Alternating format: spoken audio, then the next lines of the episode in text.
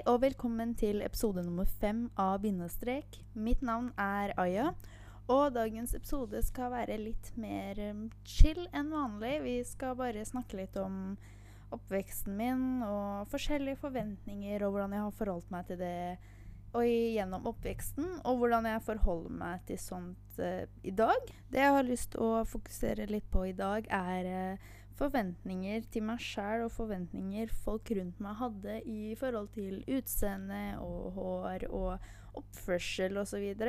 For nå som jeg tenker tilbake på det, så hadde jeg veldig mye for meg som jeg ikke veit helt hvor kommer fra. I barndommen så var jeg egentlig ganske sjenert når jeg var liten, i hvert fall i den minste alderen.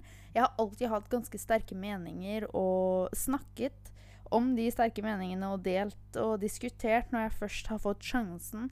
Men sånn generelt, da, så var jeg egentlig ganske sjenert.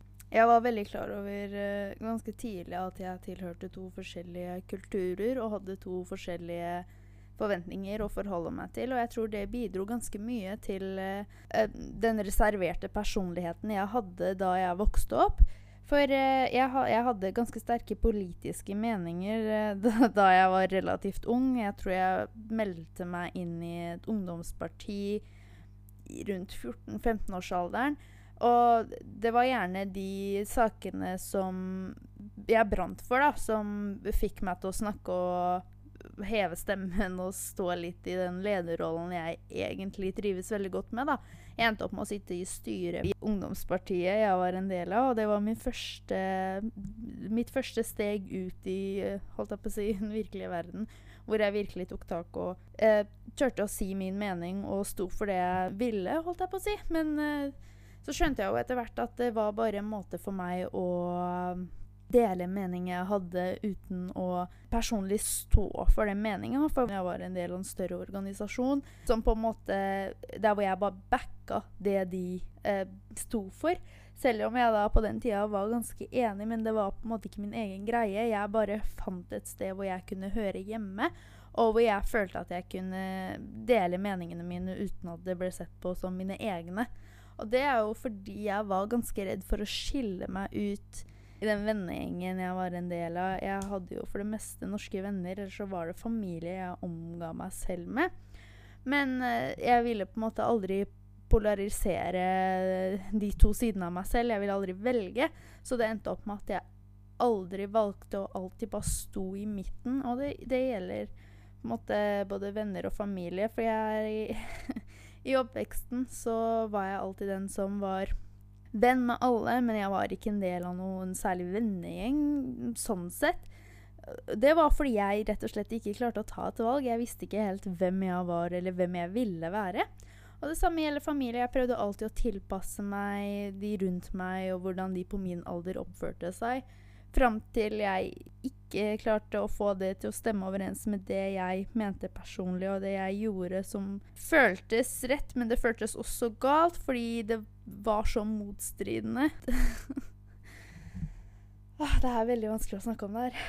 Jeg kan begynne med å snakke om de forventningene jeg hadde til meg selv i forhold til utseende, og hvordan jeg opplevde det eksternt òg. Fordi jeg husker fra da jeg var ganske liten, så begynte jeg å ta sånn antipermanent. Så det, det skulle være rett. Vi bestilte sånn keratin. Det var en helt uh, jævlig prosess, for å si det rett ut. Det, det svei og du måtte sitte i håret i 30 minutter før du skulle rette det hårstrå for hårstrå, nesten. Det svei i øya, og det var ikke måte på, men jeg ville gjøre det, og jeg ville ha rett hår. Og det var på grunn av de forventningene som jeg satt i meg sjæl, fordi jeg, alle de jentene i klassen som hadde fint hår, og, eller som Altså, de peneste i klassen, alle hadde jo rett hår. Selvfølgelig skulle jeg imitere det og følge det. og Hjemme hos meg så var det på en måte ikke Det var ikke helt uhørt om å rette håret. Og det var helt naturlig. Det, det, gjør vondt å tenke tilbake på at jeg ikke visste hvordan håret mitt så ut før sånn for et år siden, kanskje. Jeg har som sagt tatt, sånn, tatt permanent eh, behandling helt siden jeg var ganske ung. Jeg husker ikke når jeg begynte med det, men jeg var ganske ung. Og helt siden da så fortsatte jeg på den samme behandlinga og tok den hver sjette måned i så lenge jeg kan huske. Fram til jeg da flytta ut da jeg fylte 18 år. Men i mellomtida så hadde jeg jo tatt den behandlinga og hadde relativt rett hår, men til tross for eh, x antall behandlinger og til tross for at jeg retta det nærmest hver dag, så var det aldri like mykt og rett som de andre i klassen. Og én ting jeg husker veldig spesifikt som sto, står ut i forhold til minnene mine fra barneskolen og ungdomsskolen, var eh, når jenter i klassen min hadde med seg de rosa detangler-børstene. Jeg vet ikke om dere husker de, men jeg husker det veldig godt. At jentene i klassen min pleide å ha med seg de børstene og bare dro de ut av sekken sin i løpet av timen eller i løpet av friminuttet og bare børsta håret sitt. Og jeg husker jeg misunna de jentene så mye. For jeg hadde, jeg hadde, så lyst til å bare kunne ta opp en børste, jeg òg, og bare gre håret mitt uten at det ble bustete og, og helt jævlig. Mm, og jeg prøvde jo på det et par ganger når jeg hadde nylig retta håret mitt rett før jeg dro på skolen. Og det her var vel kanskje sånn rundt ungdomsskolen, tror jeg. Ja, rundt åttende klasse. Så, så, prøvde jeg å ha med meg de børstene på skolen, men til tross for at jeg hadde retta det, så ble det krusete. og det virka ikke som om det å børste det hjalp noe særlig. Og da husker jeg jeg ble så sur og skuffa over eh, håret mitt, rett og slett, fordi det ikke ville oppføre seg som alle andre, da, trodde jeg. Jeg visste jo ikke noe bedre, og jeg hadde jo ikke sett hvordan krøllete hår så ut, nesten. Jeg kan ikke huske å ha liksom opplevd å ha sett noen ta vare på sitt krøllete hår. Og jeg, for så vidt så visste jeg jo ikke at jeg hadde krøller på den tida, så jeg visste jo ikke at dette var noe jeg skulle bekymre meg over uh, på et eller annet punkt. Men så sitter vi her i dag, da. Men det, jeg husker det var veldig det sto ut. Og det, det, er jo sånn når du er liten, så vil du jo helst passe inn og bare være en del av gjengen. Du vil jo helst ikke skille deg ut, for det er tydeligvis ikke så jævlig kult. og jeg ser den, jeg skjønner det. Når du er så ung, så er ikke en sånn type oppmerksomhet særlig positiv. I hvert fall ikke når folk peker ut eh, de forskjellene. For det, det virker som om du er den eneste i hele verden som har de unike trekka i hvert fall i skolesammenheng. Men jeg husker også at uh, jeg sleit litt med farge av håret, for jeg har jo svart hår. Jeg har kølsvart hår. Og å farge svart hår er Det er ikke så lett, for å si det sånn. Jeg husker jeg maste veldig lenge på mamma, men for å farge håret mitt, så måtte jeg jo bleke det. Og å helbleke håret mitt, det var ikke til å tale om, for det hadde endt i katastrofer. Håret mitt hadde dette av. Men eh, etter eh, ganske lenge med masing så ble vi enige om å ta tuppene mine, da. Så jeg skulle få lov til å farge tuppene mine rødt, for det var noe jeg hadde skikkelig lyst på. Det var, det var skikkelig kult, syns jeg. Så eh, tida gikk. Jeg fikk endelig lov til å farge tuppene mine, så vi fiksa det, da. Det ble katastrofalt på så mange måter. Det ble oransje. Um, håret tok ikke til seg fargen sånn som jeg hadde sett for meg. Um, det ble ikke særlig fint nå når jeg ser tilbake på det. Jeg har noen bilder rett foran meg her. Men uh, det var det jeg hadde lyst til å se hvordan jeg så ut med en annen farge enn svart. Og jeg fikk jo litt av den drømmen oppfylt når jeg hadde de oransje tuppene mine. Altså, jeg hadde det i en god stund, men etter hvert så begynte tuppene å tørke ut, og det så ikke ut. Så jeg endte opp med å klippe meg, og da klippa jeg meg kort. Og det var første gang jeg gjorde noe så drastisk etter, etter å ha farga det, da, selvfølgelig.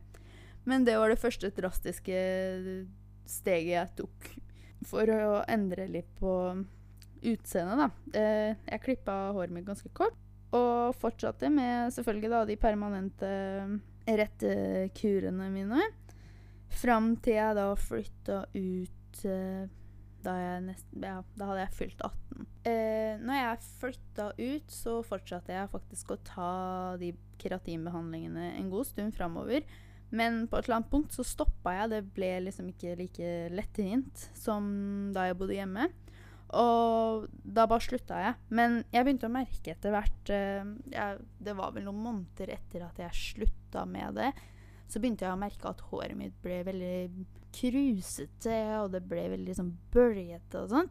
men så lot jeg det bare ligge og lot det gjøre sin greie. Og etter hvert så begynte jeg å se hint av krøller. Og for å være helt ærlig så kunne jeg nesten ikke tro det jeg så. Det krøllete hår, det, det hadde jeg aldri sett uh, verken hos meg selv eller hos nærmeste familie. Altså, jeg har, uh, jeg har familie med krøllete hår, men jeg tenkte de var et unntakstilfelle. Og ja, ja, håret deres er krøllete, men det er ikke håret mitt.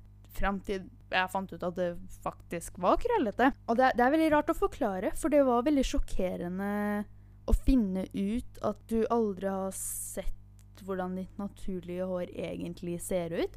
Og så begynner du å tenke på hvorfor du egentlig aldri har sett hvordan ditt naturlige hår ser ut. Og så begynner du å tenke på alle de forventningene du hadde til deg selv, og alle endringene du påførte deg selv for å passe inn til det punktet hvor du ikke kjenner deg selv igjen. Og det er en trist tanke. Og jeg syns det var veldig trist, i hvert fall. Jeg merka at jeg ble ganske lei meg da jeg fant ut at jeg visste jo egentlig hvordan håret mitt ser ut. Og jeg bestemte meg for å gi det en sjanse og la det få puste litt, rett og slett. Uh, gi mitt hår, naturlige hår en sjanse, se hvordan det faktisk ser ut. Og nå har jeg jo prøvd å redde det og se hvordan det faktisk ser ut i over et år. Og det er helt sinnssykt å se kontrastene fra hvordan håret mitt var uh, for to til tre år siden, og hvordan det er nå. Det, det, er ikke samme type hår i det hele tatt. Og alt det, to, alt, som, alt det tok meg, var å passe på det litt mer enn det jeg hadde gjort tidligere. Det er egentlig litt trist. Det er trist at vi har såpass mye press på oss til å se ut en viss måte og oppføre oss en viss måte at vi egentlig ikke veit hva vi selv Hvordan vi ser ut, hvordan vi er helt naturlig. Heldigvis så har jeg latt håret mitt uh, få uh, vokse ut. Uh, krølle seg så mye du vil. Og oppføre seg så naturlig som du bare vil, og se hvordan det faktisk er i sin naturlige tilstand. Og jeg kunne ikke vært mer fornøyd, for det Uansett hva det hadde blitt til, så hadde jeg blitt fornøyd, for det er mitt, og jeg veit at det er naturlig, og jeg veit at det er sunt, og det er det absolutt viktigste for meg. At jeg klarer å ta vare på det. Og jeg skjønte jo ikke at jeg ødela det før jeg faktisk så konsekvensen av handlingene mine.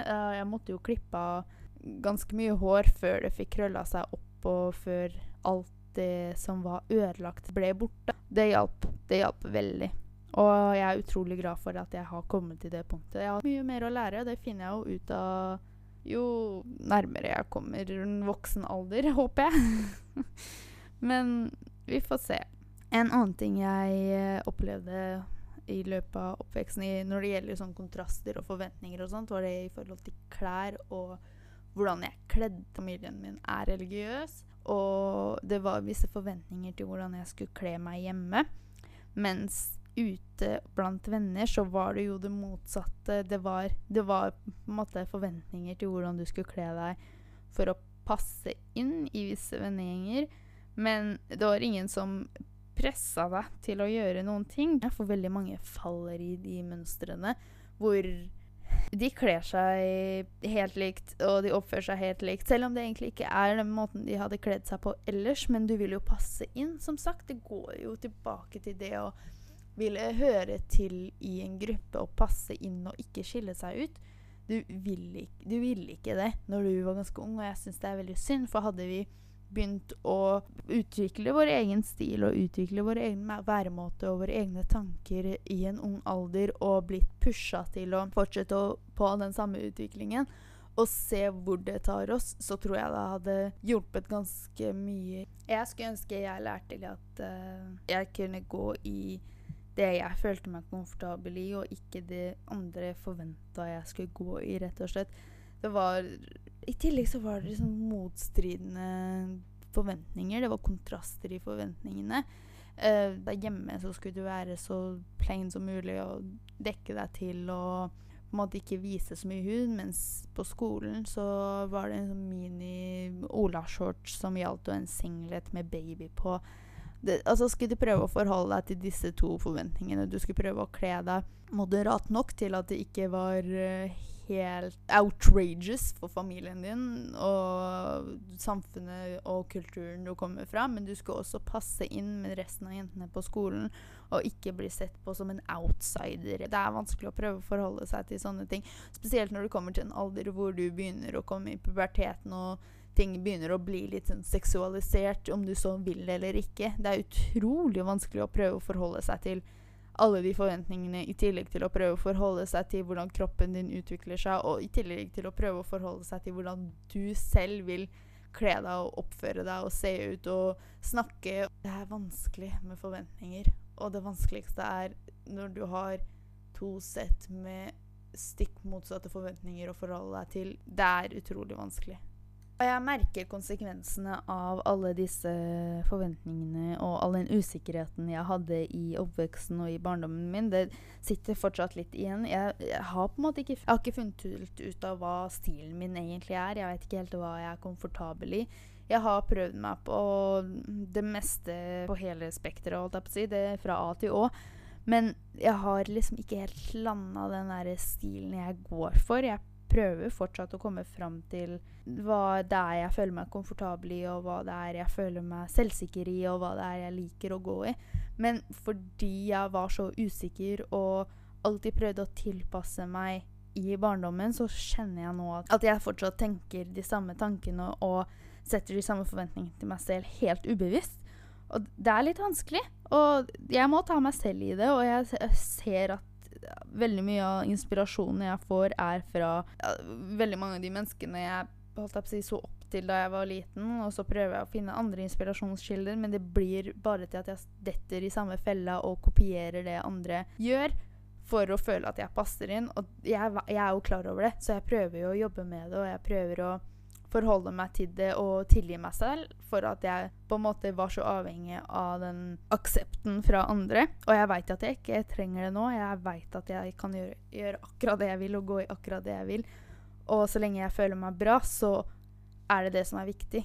Og det, det, er veldig viktig at vi husker på at så lenge du føler deg bra i de klærne du går i, i måten du ser ut på, måten du sminker deg på, hår, måten håret ditt ser ut på. Så lenge du er fornøyd med hvordan det ser ut, og hvordan det er, så er det ingen som kan ta det fra deg. Det, det er ditt. Det er din egen personlighet som skal skinne gjennom i måten du ser ut på. Men jeg merker selv nå øh, etter å ha på en måte vært klar over hvordan det jeg opplevde i barndommen, og hvordan alle disse forventningene hvordan de har påvirka meg, og vært klar over det og bearbeida det, så merker jeg at det fortsatt sitter ganske mye igjen fra barndommen og fra de forventningene.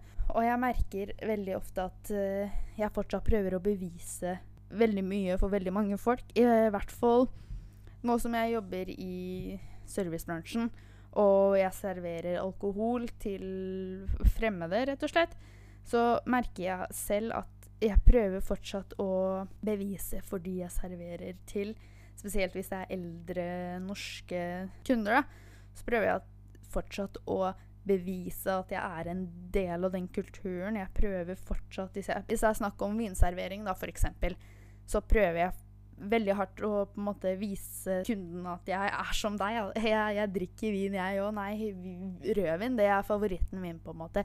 Jeg, jeg, prøver, det, jeg, prøver, fortsatt å pushe det for å bevise Jeg vet ikke om det er til meg selv, eller om jeg prøver å bevise for noen andre at jeg er en del av kulturen. Jeg er en del av, en del av dere. Og jeg har ikke merka det før nylig.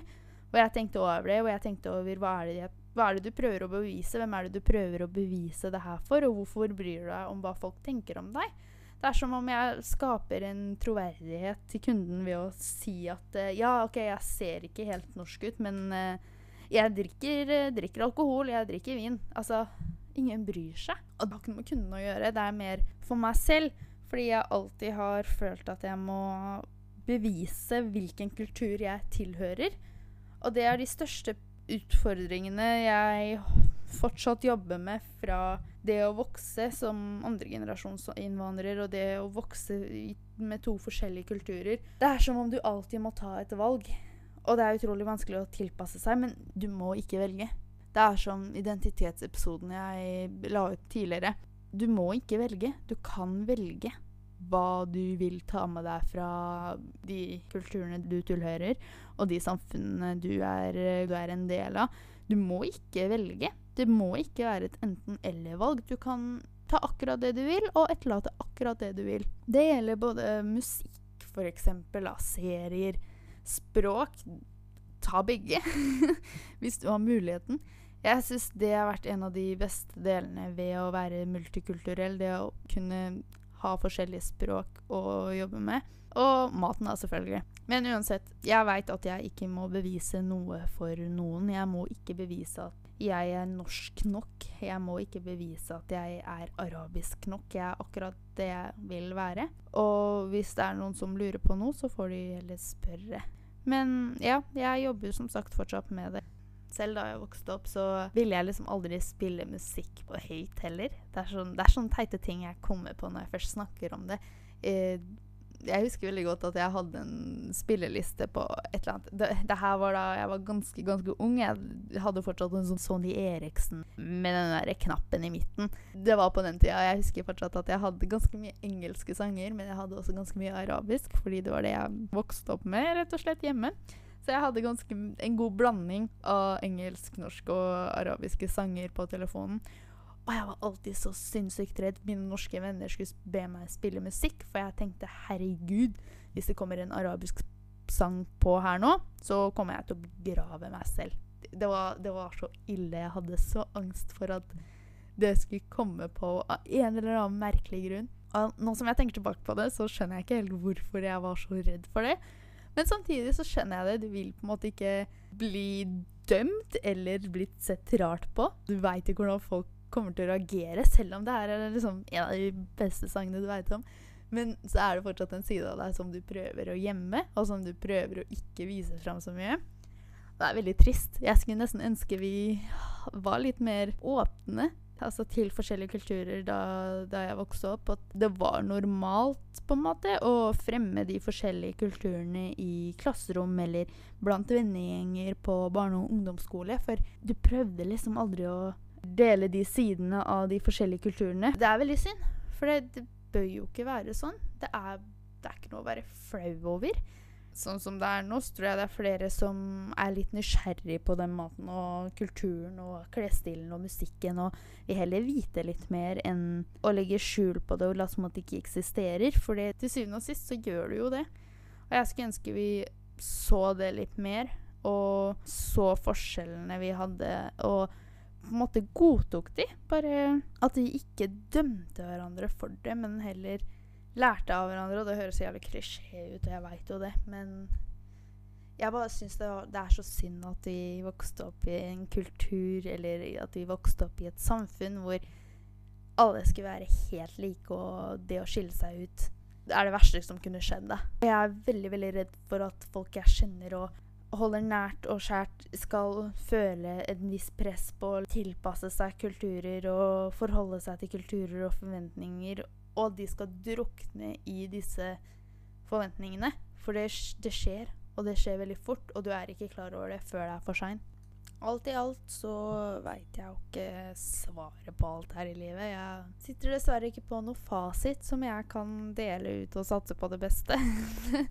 jeg skulle ønske jeg gjorde det, for jeg tror det hadde gjort livet mitt ganske mye lettere. og, jeg tror det hadde hjulpet veldig veldig, veldig mange som sitter nå i samme situasjon som jeg satt i, og som lurer på hva de skal gjøre, eller som kanskje ikke har kommet til det punktet ennå. Det, det, jeg lurer på nå helt sånn avslutningsvis, er om noen har noen ideer til hvordan vi kan gjøre det lettere å være en annengenerasjonsinnvandrer tredjegenerasjonsinnvandrer. Hvordan kan vi sammen gjøre det trygt og være stolt av begge kulturene man tilhører, og begge samfunnene vi tilhører? For det er ikke noe i veien av å være stolt av det. Det er ikke noe i veien av å tilhøre to kulturer til å begynne med. Men da lurer jeg på Har dere noen ideer til hvordan vi kan gjøre det lettere? Hvordan vi kan gjøre det mer akseptabelt? Hvordan vi kan åpne for en diskusjon? Det her Hele podkasten er jo lagd nettopp for å eh, lette litt på de tabubelagte temaene, for å åpne opp for diskusjon, for at vi skal kunne snakke sammen, og for at jeg skal kunne dele informasjon jeg har lært gjennom det jeg har opplevd, og som jeg skulle ønske noen fortalte meg da jeg vokste opp. Men jeg er litt avhengig av å få hjelp av dere hvis dere har noen gode ideer til hvordan vi kan gjøre det enda lettere for barna som vokser opp i dag, og for de som er i den situasjonen, og som kanskje er eldre enn meg òg, som fortsatt ikke har kommet seg ut av fengselet jeg kaller forventninger. For det er det, jeg, det er. Det er sånn jeg ser på det. Forventninger er ikke noe annet enn et fengsel som begrenser deg fra å nå ditt potensial, og fra å nå det du egentlig strever etter. Og hvis de forventningene passer godt inn med det du selv personlig 100% tenker og mener og føler og vil oppnå, så er det jo bare bra. Det er bare bra. Og jeg sier ikke at alle forventningene er dårlige, men forventninger som strider imot hvordan du vil oppføre deg, og hvordan du vil være, og hva du vil gjøre, det er et fengsel. Jeg håper virkelig vi kan finne på et eller annet prosjekt, et, et eller annet som kan gjøre det lettere for oss å leve med flerkulturelle bakgrunner uten å føle at vi må velge hele tida. For det må du ikke. Og veldig mye av problemet ligger i at vi ikke tør å snakke om det. Men jeg føler hvis vi starter en diskusjon Og jeg, jeg tror virkelig på at hvis vi starter en diskusjon, og at om vi klarer å snakke sammen, diskutere og bare rett og slett være åpne og ærlige og tro mot oss selv, at vi finner ut av det og finner en løsning. Det tror jeg 100% på. Tusen, tusen takk for at du hørte på enda en episode av Bindestrek. Jeg håper du fikk noe ut av min rambo, og at det var til nytte. Og jeg håper virkelig dere kommer med noen forslag til meg om hvordan vi kan gjøre det her litt lettere. Tusen takk for at dere hørte på, og så håper jeg vi ses neste uke. We'll be right back.